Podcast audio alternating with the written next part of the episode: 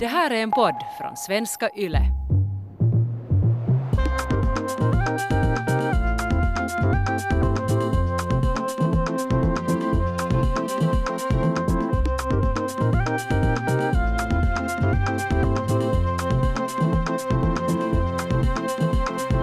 Välkommen till Sällskapet, en kulturpodd med samhällsperspektiv.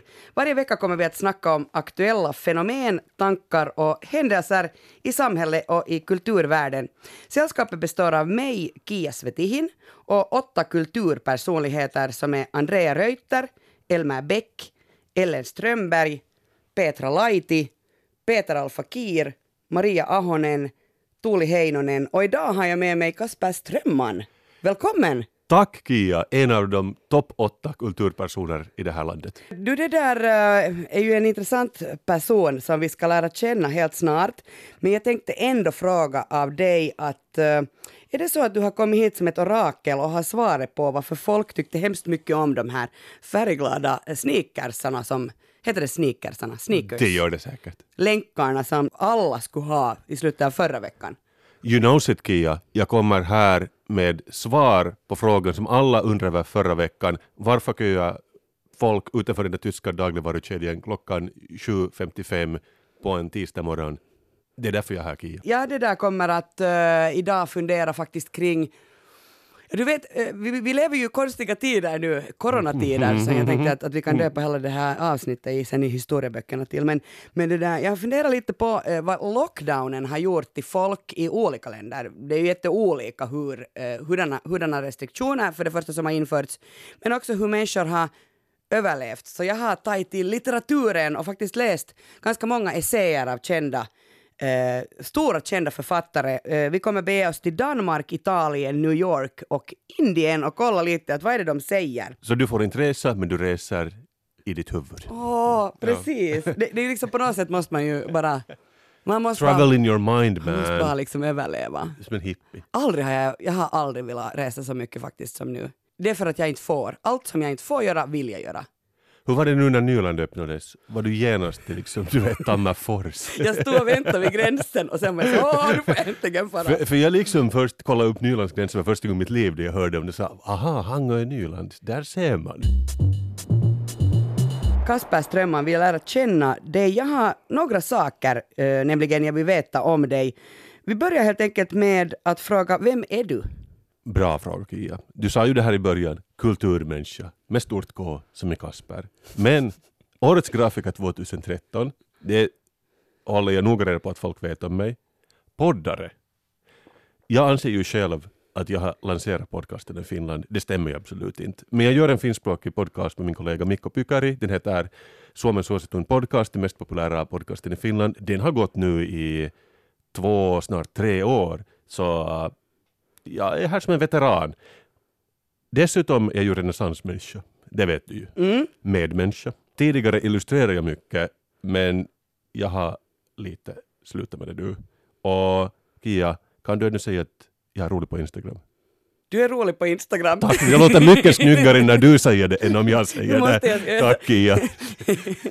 Hurdana morgonrutiner har du Kasper Strömman? Det är en jätterolig fråga, för alla ljudtekniker frågar alltid det här. De vill alltid veta vad man äter till frukost. Du har aldrig stött på det här? Jo, precis, när man bara vill testa ditt ljud. Men jag är på riktigt intresserad att liksom, vet du, är du morgonmänniska, du kvällsmänniska, när stiger du upp, vad ja, gör du? Nej, nej, men det är sant, jag, jag stiger upp i blind panik och försöker ta mig iväg. Men liksom fun fact, jag brukar äta gröt på morgnarna. Det är inte många som gör det mera.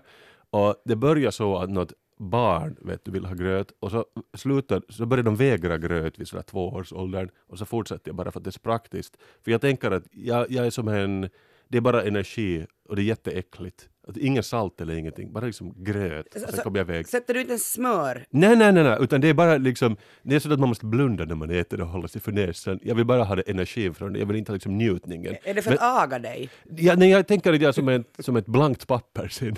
Att jag har inga intryck när jag kommer att göra podcast.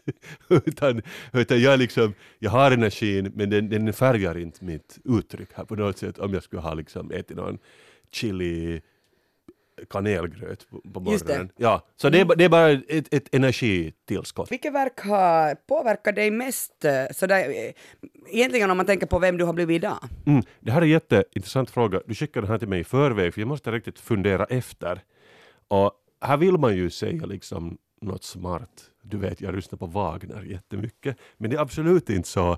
Och jag funderar, det är ju svårt att, att ta ett verk som är över alla andra. Men det fanns en tid, liksom typ där runt år 2000, jag lyssnade jättemycket på Dr. Kosmos. Kommer du ihåg Dr. Kosmos?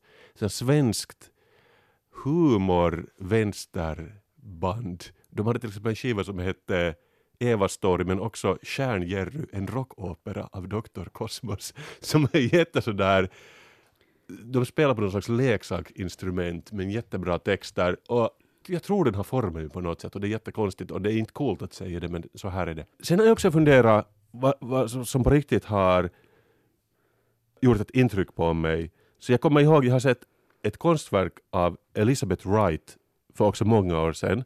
Och hon gör så här du vet som i ett galleri och du ser att i ett hörn står en cykel och du tänker inget konstigt med det, eller hur?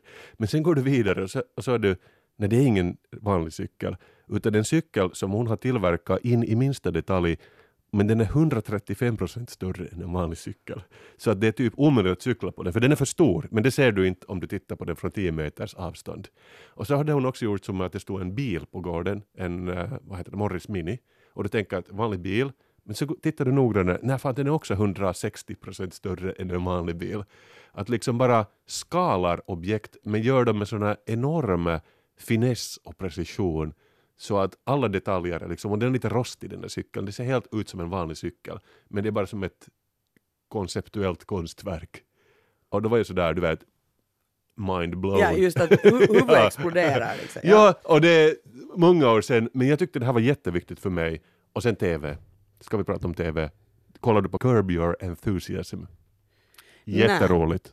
Nej, men det där jag har hört, alltså nu, nu är det, Ja. det, det, det är ju alltid bra att svara så, Ja. men jag har faktiskt hört om den. Ja, så jag tror att det har jättemycket inverkan sättet jag pratar på. Det är liksom, igen, det är liksom inte coolt, men det är jätteroligt. Om, om, om du inte har tittat på den, eller börjar alla titta på den. Men, vad är det alltså för Det sätt han, att äh, prata? La- La- Larry David, äh, som, ähm, han, han är en äldre man nu, han har skrivit Seinfeld på 90-talet. Hej, vad heter den på finska den där? Den heter... heter den något jättekonstigt? Det Your jättetöntigt, den heter. Geitahattun på finska. Hej, jag har visst den, det är därför som jag det påminner. Okej. Det är en sån gammal gubbe men, som ja, är men han är lite mycket sur. sådär... Ja. Liksom, ja.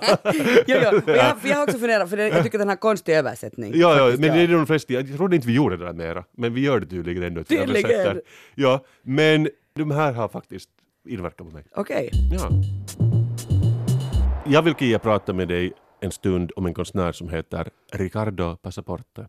Han är inte jätte liksom, känd. Jag började följa honom på Instagram och jag har följt honom en längre tid på Instagram. Han är portugisisk och han har bakgrund i graffitivärlden men också han har en BA och en MA i fashion design. Och heter passaportet i efternamn. Det är också Vad betyder det? Alltså ett betyder pass. pass. Okej, men det... Ricardo Pass. Nå, möjligtvis är det inte hans riktiga namn. I don't care. Men... äh, Passaportet, det är jättesnyggt. Ja, men det låter ju Ricardo portugisiskt. Jag, Passaporte. jag köpte det direkt. Jag liksom ifrågasatte det inte på något sätt. Men han är någon slags popkonstnär skulle man kunna säga. Han jobbar väldigt mycket just med så här graffiti-aktiga saker. Men, så det är väldigt grafiskt men också naivistiskt. Och han jobbar jättemycket med sådana varumärken. Jag visade det här på min telefon. Eh, en, en artikel från It's Nice That. Att han målar av så här, du vet, Haribo på eh, karamellpåsar. Det är så här Tesco-plastkassar. Det är så här Footlocker. Och lite mer Tesco. Ikea-kassar. Och så gör han också installationer. Då han har själv printat sådana plastpåsar av ett tyskt dagligvarumärke som vi också har här i Finland och så bara fyller han ett galleri med dem. Och han håller på med det här tyska butikskedjemärket så mycket att folk är sådär, är du sponsorerad? Och han bara sådär, nej nej, jag tycker om det här jättemycket. Och han gör också här lite naivistiska grafiska målningar, stora målningar, så de är som en still från en uh, adult entertainment film. Så att det är liksom två nakna människor som håller på, men så står det liksom en kasse, en plastkasse med den här loggan på i ett hörn. Så han liksom lägger alltid till den. Det är alltså en, en, en dagligvarukedja. I Sverige har de världens bästa slogan, slogan allt annat är olidligt, säger de där. Hörde jag, ingen aning om, om förstås då vilken du pratar om, men Nej. jag måste säga att, att jag har också ibland funderat på när jag har tittat, tittat och skrattat på ditt Instagram-konto, eftersom du ju är rolig på Instagram. Eh, är du sponsrad av den här kedjan? För du har hemskt mycket intresserat dig för deras bagels till exempel. Ja, nej, nej, jag är inte, absolut inte. Utan det är bara som, men jag tror jag har blivit, du frågar mig vilka mina inspirationer här i livet, jag tror jag har blivit inspirerad av Ricardo Passaporte helt enkelt. Att, äh, liksom folk har ju hållit på med popart sen 60-talet. Det var ju chockerande då med, vad det, Brillopads och vad, vad, vad han nu höll på med, uh, Warhol. Men därför skulle man ju tycka att det är inte så chockerande numera. Det är kul helt enkelt för att det är som uh, ändå en så stor del av folks liv. Och, men så finns det just alla möjliga regler, till exempel här, att vi helst inte ska nämna det jättemycket och bla bla bla. Men vi älskar ju ändå det här bajset. Så här tycker vi om Kia. Sånt här, det är ungdomligt, det är kontemporärt, det är lite fräckt. Du är lite så här cheeky, att man håller på, lite förbjudet kanske, att, att, och folk frågar sådär, är du sponsorerad? Och den här konstnären, han har till och med gått så långt att han har låtit tillverka sina egna sockor på någon fabrik med den här loggan på. Bara liksom en, en olidlig logga. Och, och, sen- och, sen, och så har han sålt dem på sin nätsida och jag var inne och försökte beställa dem för många år sedan men de, de sålde ju slut direkt för att folk var sådär det här är Ricardo Passaportes grej att ha- haha vad roligt att man kan ha de här sockorna på sig. Men alltså det är inte så att den här tyska kedjan, äh, matvarukedjan, äh, säger så här, hej kan du sluta stjäla vår logga? Eh, Det vet jag ingenting. Alltså jag följer ju också andra som håller på med lite liknande. Det finns en engelsk herre som heter, hans, hans grej eller företag heter Sportsbanger och han gör till exempel nu när det är coronatider så han gör sådana t-shirts med NHS-loggan på, alltså doms National Health Service. Eh, och, och sen en, en, en Nike-logga under den. Och så säljer han dem på sin nätsida, de säljer ut direkt och sen pengarna går direkt till att han köper någon sandwiches till sjuksköterskor i England. Och han, har ju, han lägger ut på Instagram att det är look I got another liksom, season till sist, att folk vill att jag ska sluta med det men jag, jag kommer inte sluta för jag, I'm a bootlegger and I'm a raver och jag kommer att göra det här. Och det, det är liksom, du vet, är det stöld vad han gör eller är det konst? Och det, det, ja, faktiskt, det är jätteintressant den här världen. En sån här postkapitalistisk pop-art-värld som de här människorna lever i. Det fanns ett sånt här lyxmode modemärke som, som för några år sedan, jag tror att det var 2017, så det där designade de en sån här enorm stor blå väska som Ja, hade två sådana band som man skulle hänga över axeln och den påminde hemskt mycket om det här, om vi nu pratar så här som man gör på, på Ja. det där YLE, Ja. eh, alltså eh, ett av de här stora möbelvaruhusen där man säljer billiga möbler. Du pratar om Balenciagas IKEA-kasse. Ja. jag, jag måste bara säga det. Hur som helst, så du vet, Ricardo, han, han har gjort det här i många år. Men nu, förra veckan, här i Finland, så hände det här. Ser du vad jag har här framför Jag mig? ser, det prasslar här. Ah, det är ett Det är olidligt det, spännande. det, är ett annons, det är en sida ur ett annonsblad av den här tyska dagligvarukedjan. Och nu har de någonting som de kallar Fanimallista. De har liksom en fan line av kläder där de säljer t-shirts, de säljer sockor och de säljer också sneakers med den här loggan på till det här varuhuset, eller dagligva- dagligvarukedjan. Men alltså är det här coolt eller är det töntigt? Kasper! We are getting there, Kia. Ta det lugnt! Nej, nej men det, nej, det är bra. Det är bra att du är ivrig. Jag gillar det. Jag gillar energin här. Jag tänkte ju också först så här att nice när jag såg det här för en månad sedan. för jag delar ju de här skorna. Jag var sådär, haha, det här kan vara sådär ironiskt kul. Att nu när jag går Ja. in på den här butiken så köper jag ett par skor med detsamma. Eh, Delar på Instagram, folk tyckte att det var jätteroligt också. Men sen var, just det där att ingen fattar vad som sen hände. För jag är med i sådana här olika hypebeast-grupper, hypeend på, på Facebook och, och streetwear-grupper. Och folk, ja, folk var sådär att det här är det dummaste jag någonsin har sett. Men sen, jag vet inte om de har betalat folk eller om folk blev på riktigt ivriga på det här. Men många sådana äh, ja, vad man ska kalla det, någon slags hypebeast influencers. Det var så här att, att de börjar lägga ut bilder när de är på något så här warehouse, ett, ett, ett warehouse någonstans i Esbo där, framför ett sådana skor och du vet vad som händer då. Man förlorar lite sin liksom, sneakererektion när man ser något sådant. Och vad som hände sen var att folk mitt i allt, också folk som inte var ironiska influencers, började gilla de här.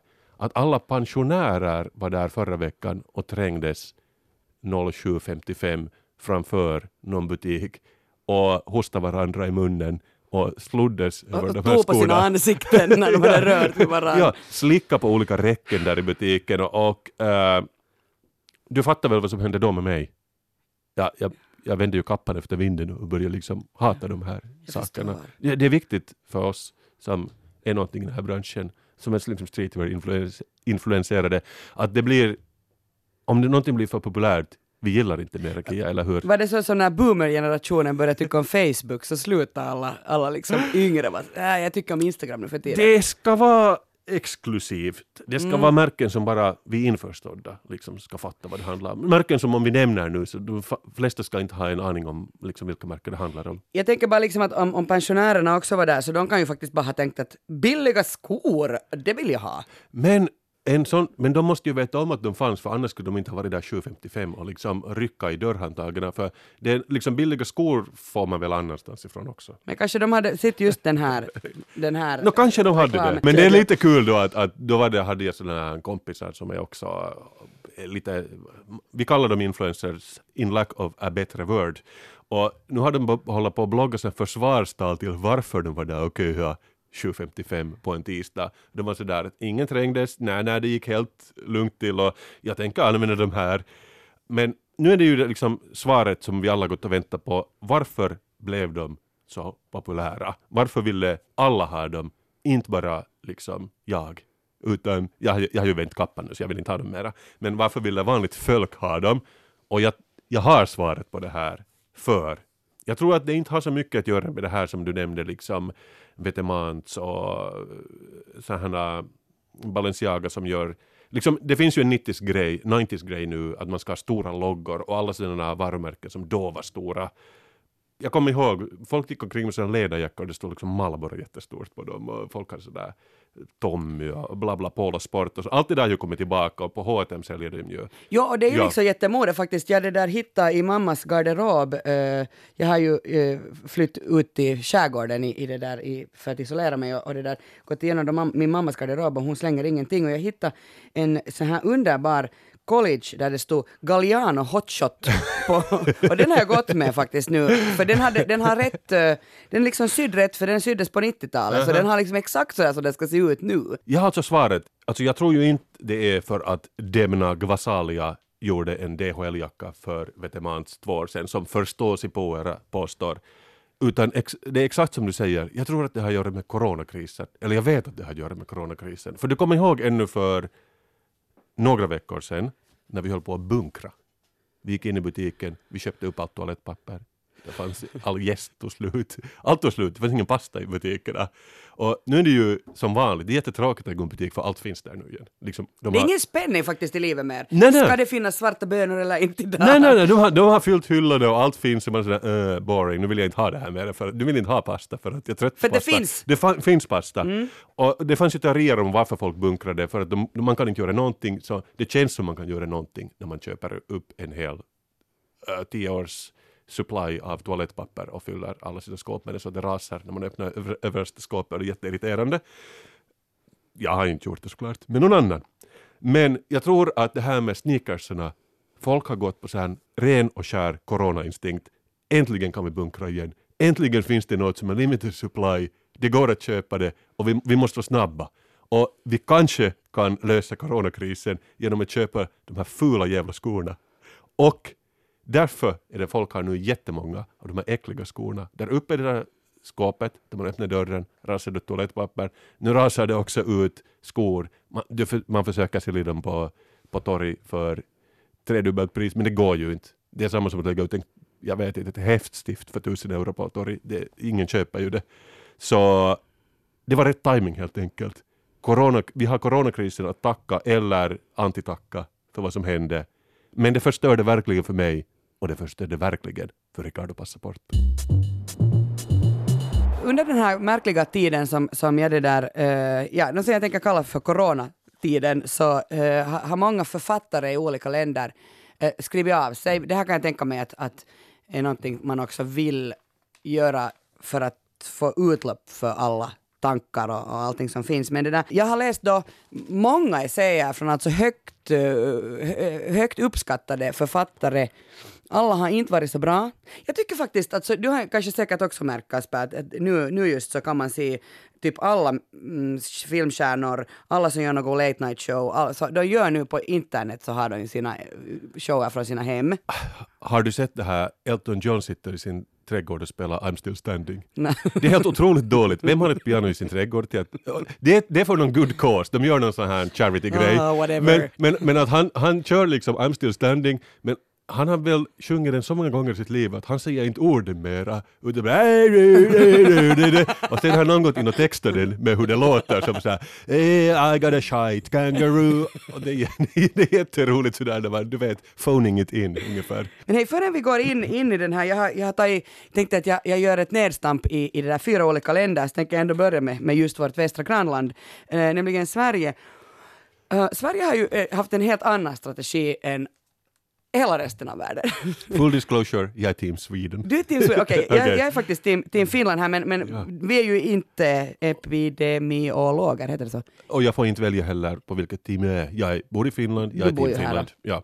Och så här, men, men jag tänkte ändå att, att det där, för, för att så, man kan ju inte ha en enda, man kan inte göra en podd just nu utan att nämna Anders Tegnell. Nej. Anders Tegnell det där, så han är, han är ju liksom, han, han är deras folkmyndighet. Alltså det, det finns liksom ingen annan, han är, han är som han är som Martin Luther King, liksom, men, men för svenskarna just nu. Och han har, det har liksom gått i det, det är faktiskt så långt att, att igår så läste jag på E- SVT att, att det där, en man hade tatuerat in Anders Tegnells ansikte på sin kropp.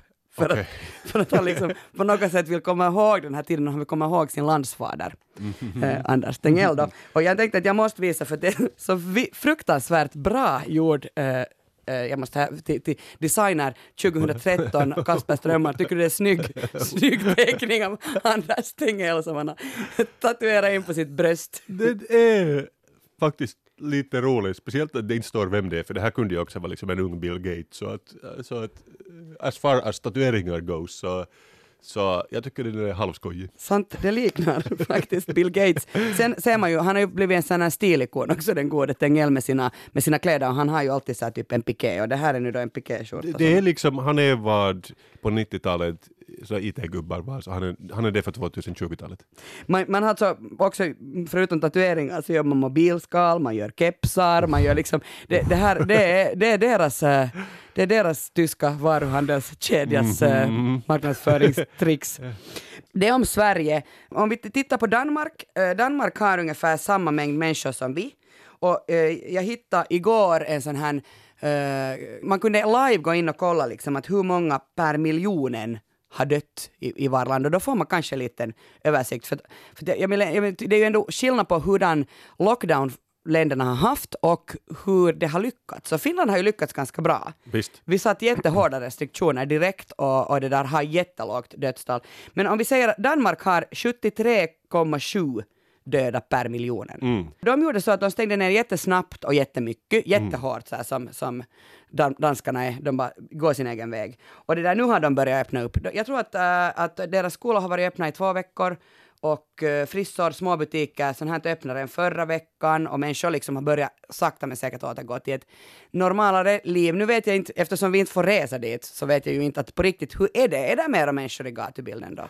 Uh, tydligen jo, för min, äh, min äkta hälft har en kusin i Danmark och är där ganska mycket och det, det verkar, vad jag ser nu på Instagram så är det ganska liksom, livligt i parkerna för det är varmare där också. Och, men också man ska väl komma ihåg, och det här säger de i Sverige, vilket jag kan förstå för att de går sin egen väg, att det är ju inte en tävling mellan länder utan det här, vi, vi ska ju kanske bekämpa coronan och inte tävla om vem som är bäst i corona.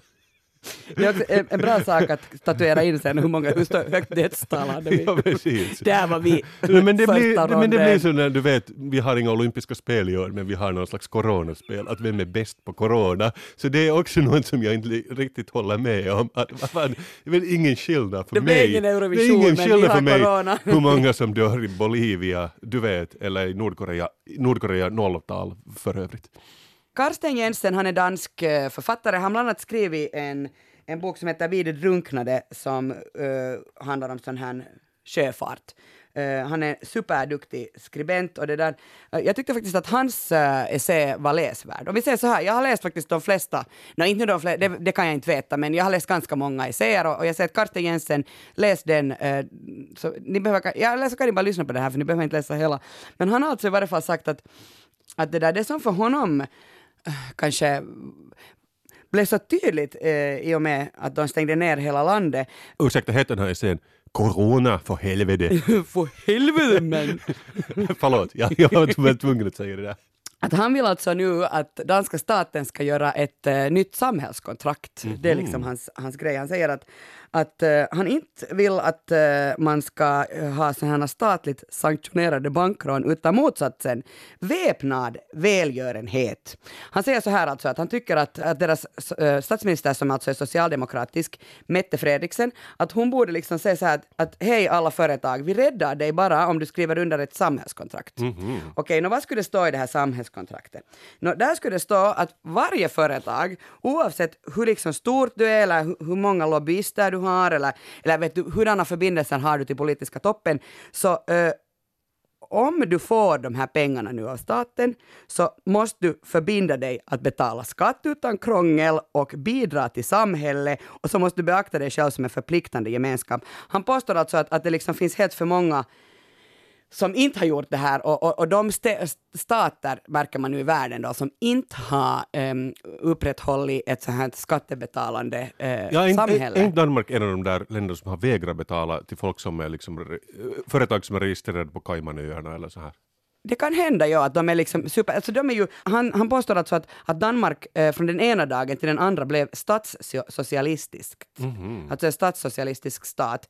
Att, att, att det där, och även EU tycker han att har blivit det. Och till och med går han så långt att han säger att USA liksom med Trump, så eh, han är så ultraliberal, eh, så, så liksom han, han delar ju ut biljoner nu från, från deras eh, statskassa. Det är som att den inte har något botten, men det är som att pengar inte existerar när det gäller USA. Vilket liksom. det filosofiskt kanske inte gör heller. Nej, no, precis. Och att liksom de här nationerna som i åratal har skurit ner på utbildning, sjukvård, pensioner, eh, nu har de massor med pengar. De bara, ah, men titta vi kan ta några miljarder till här.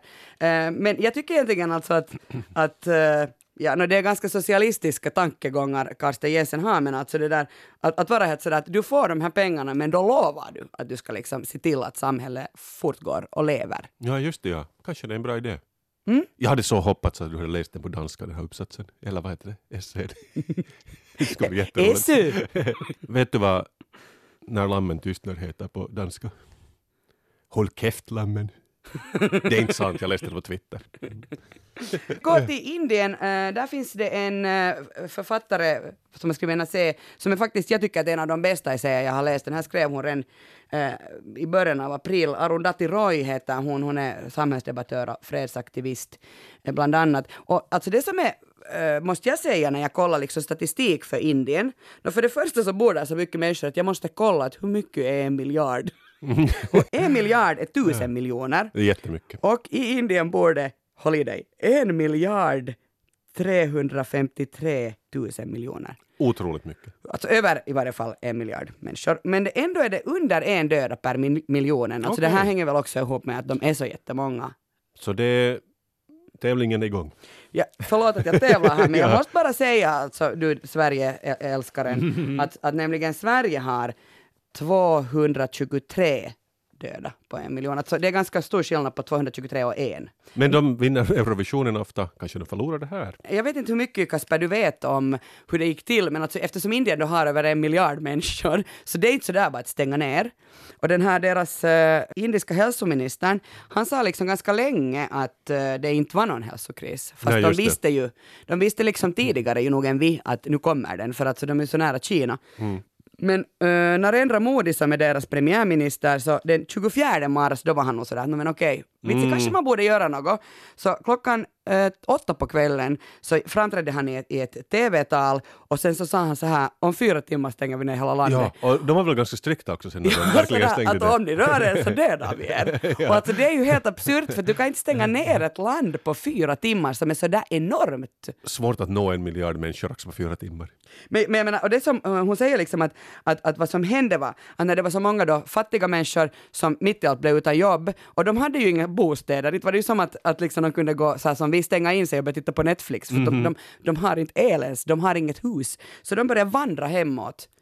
Och när de vandrade hemåt till sina byar så spreds ju eh, Ah, coronan. okej, och då blev, då blev Modi, deras eh, Ah, shit, såhär, shit, nej, inte var det nu heller Ja. så här ni skulle göra. Alltså det blev ju hem, hemskt konstigt hela den där deras lockdown. Mm, eh, och konstigt alltså på det sättet att förstås, eh, hon säger det så bra, huvudgatorna kan vara tomma men de fattiga har stängts in i överfulla slumkvarter och kåkstäder. Att man liksom stängde ner och sen var så här, titta så fint här ser det ut. Ah, ja, just det ja.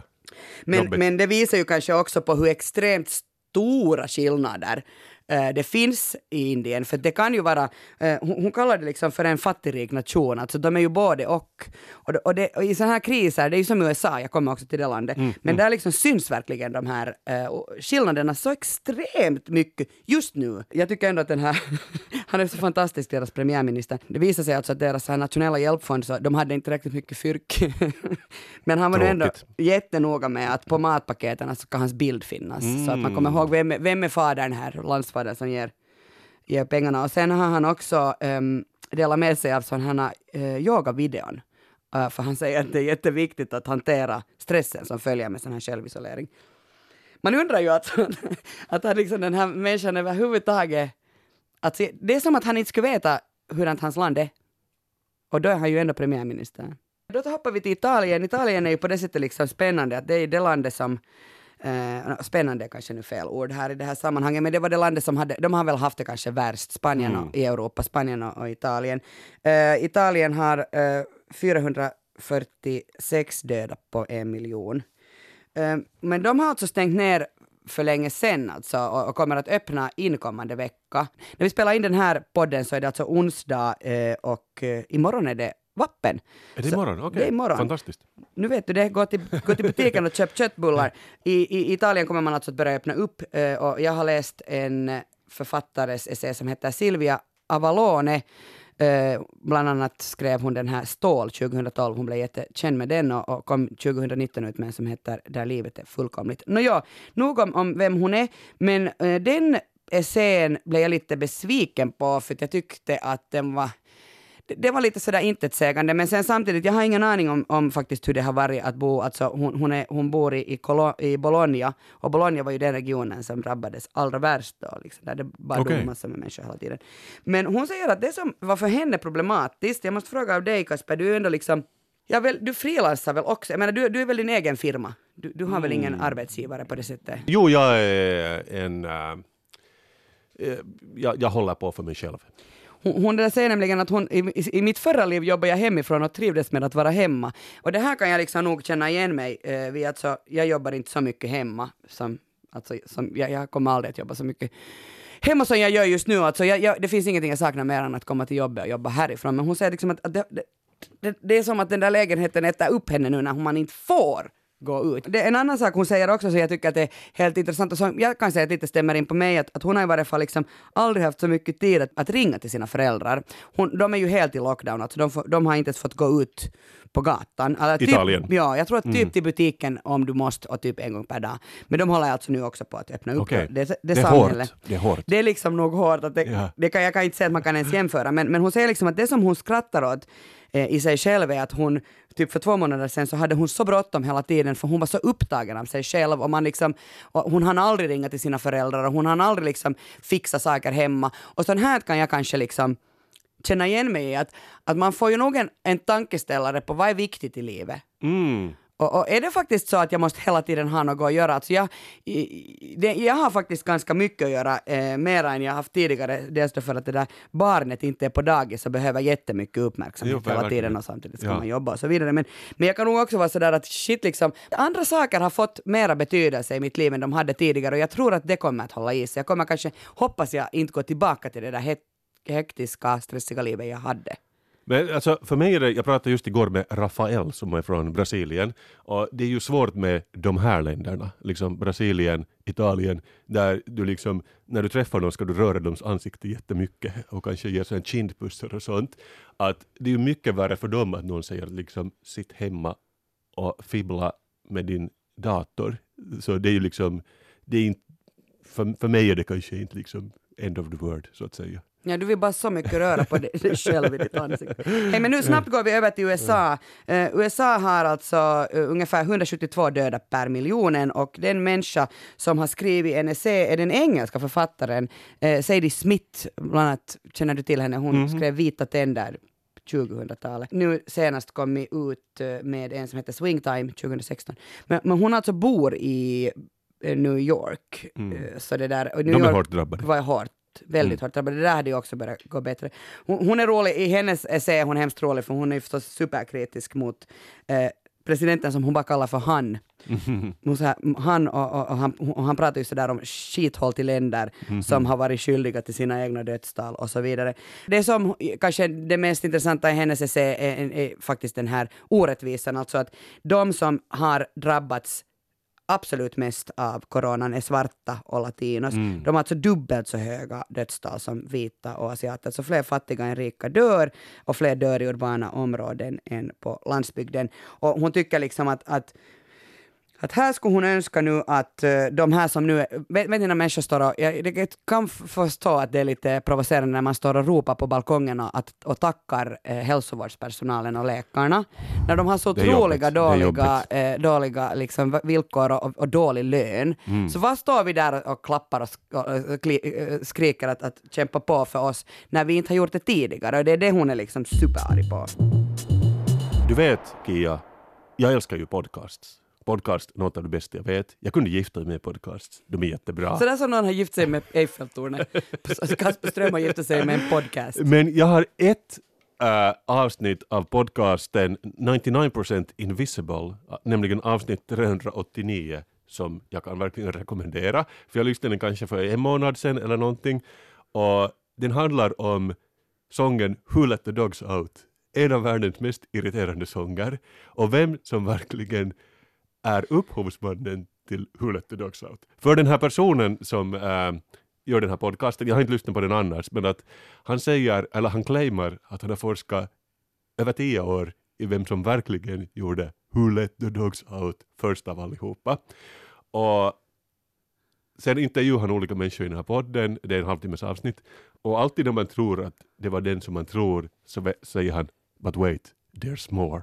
Och så kommer det liksom, så går han djupare och djupare i vem som verkligen coinade frasen Who let the dogs out till att börja med. Och nu kommer lite spoiler alert.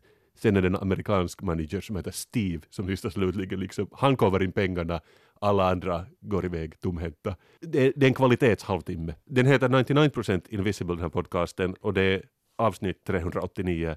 Who let the dogs out heter den. Förresten, det är, många vet det här men många hörde också första gången Who let the dogs out handlar inte om hundar. Utan det är en lite misogynistisk sång tydligen som handlar om oattraktiva damer i klubbar. Aha, vits är så hemskt. Jag vet, det är Alltså, helt hemskt men, men, ingen, men ingen, har, ingen visste ju det där. Man trodde det handlade om hundar. Jag brukar sjunga den. Ja, verkligen. Alla, alla jag, och jag, och I was liksom today years old när jag, eller jag, jag fick reda på det här liksom i år eller något sånt här. Men hur som helst, det är bara en av de små nuggetsen man tar med sig från den podcasten.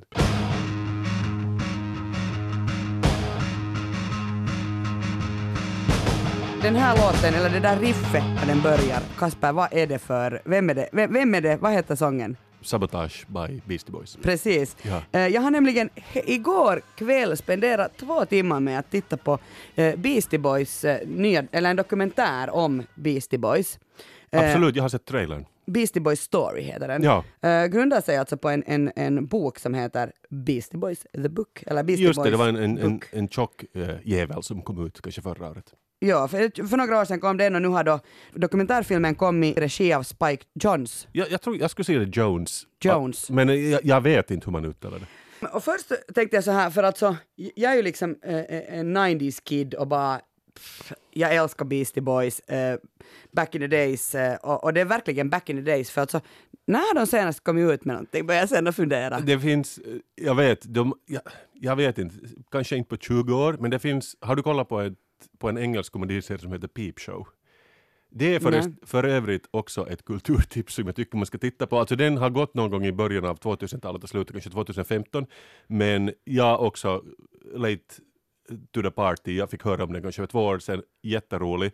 Men där finns ett avsnitt när en av de här huvudpersonerna, han börjar dejta en yngre partner och vill göra lite så här gott intryck. Så han bränner en CD med Beastie Boys på och så är den där yngre liksom, dejten är sådär att och okej, tack, men jag har liksom inte haft en CD-spelare sedan jag var barn och också de har inte gjort en skiva på 20 år och en av dem är död. Så att liksom, jag vet inte vad jag ska göra med det här före valet. Men, det, men det, jag, jag älskar det där att han försöker vara lite så här hipp och lite cool. Ja, det, och det är liksom ungefär det som, alltså de är otroligt woke också i den här dokumentären, så här New York-aktigt woke. Och, och de är dessutom klädda Alltså, ja, det, det är som du säger Kasper, det, det finns ju bara kvar två av tre. Alltså, eh, eh, Adam Ad Rock Horowitz och eh, Mike, Mike D. Diamond, eh, det är två tredjedelar av den här, ja, alltså hardcore eh, infuserad hiphop kanske man kan kalla det. Eh, men de var alltså en trio och, och mycket av den här dokumentären är liksom en kanske en, en hyllning till eh, MCA, Adam Jouts gick bort 2012, så det är ju nu en, en tid sedan. Men det som alltså är spännande med den här dockaren, nu måste jag komma lite snabbare till pointen här, Ja. är alltså det är som att du tittar på stand-up. Okej. Vet du, har du tittat på stand-up någon gång i TV? Ja, Nu i kan- coronatider tittar man ju på allting från sin skärm, det är så jättekonstigt att se teater från sin skärm, Nåja, eller en Ja. konsert. Ja. Men, men det är liksom så att de är på en scen i Brooklyn och sen liksom framför de en sån här eh, stand-up, eh, ja alltså eh, en föreställning. Alltså jag såg ju trailern och jag såg liksom sådär gubbar i grått skägg och keps som står på en scen och jag tänker, ska det vara så här i två timmar? Det ser är sådär i två timmar. Ja, och det ser den är lite ut. lång. Jag säger Ja. att så den blir lite utdragen och liksom att man klarar sig bra säkert. Den skulle ha blivit bättre med en timme. Eh, Men de är liksom två grånade medelålders eh, herrar och det är ju inte alls det som var Beastie Boys för mig. Nej. Och de är liksom sådär, de är sådär vuxen streetwear, liksom att de, har, de ser ut som, då. som du. Alltså. Nej, alltså det ser jättedeprimerande ut den trailern för den påminner mig om att jag kommer att dö någon gång. För att de var så gamla. Och den är ju alltså varvad med extremt mycket liksom. Du får, du får in uh, alltså videon, det, det är videoklipp från när de var små barn, alltså de var ju Mm, ah, faktiskt okej. jättesmå när de började, alltså ja, typ okej, tonår, 80-talet. tonåringar. Ja. Ja. Och, och det där, och, och så, och så liksom, de, de varvade med musik och de är roliga och de är faktiskt, man märker att de har tränat jättemycket på den här föreställningen. Men det känns ändå som att det är liksom ett sånt här, först kom boken och sen är det här som att, att när man är mitt i en process så är man så spänd att man är sådär att, att mamma kommer att titta vad jag har gjort och den är liksom inte riktigt färdig. Jag kan Ah. tänka mig att någon gång kommer det väl att komma en dokumentär om dem som är på Just riktigt det. en dokumentär, inte en sån här att här står jag på en scen och berättar om mitt liv. Det kunde fungera om man var, om, om man var där, men Ja. att kanske klippa ner den till 15 minuter? Tänker du se den? Nej. för, för var och en som älskar Beastie Boys, alltså- eller som har älskat Beastie Boys, så nu är det en nostalgitripp och jag befinner mig på riktigt där, helt- den är nästan som gjord för mig, den här, Mm. den här dokumentären fyller 40 i år. Men, det där, men den är ju hemskt långsam, alltså de kunde ha gjort den snabbare och boken är garanterat bättre. Mm. jag, jag har inte läst den, men jag kan säga att läs nu hellre boken. Och sen väntar vi på att det kommer en en, faktiskt en riktig dokumentär kanske. Just det. Ja. Kasper, tack att du var med. Eh, det är ju så att, att det här mitt sällskap, uh, herregud jag, jag är så lyckligt lottad som får umgås med så här underbara människor. Jag vet. Eh, idag var det du, Kasper Strömman, men jag har, förra gången hade jag med Andrea Reuter, jag kommer att ha Elmer Bäck, Petra Laiti, Peter Alfakir, Maria Ahonen och Tuuli Heinonen. Och den person som gör podden med mig nästa vecka är Ellen Strömberg. Tack Kasper Strömman att du var här. Vi hörs och ses snart igen. Tusen tack att jag fick komma Kia. Hej då! Hej då!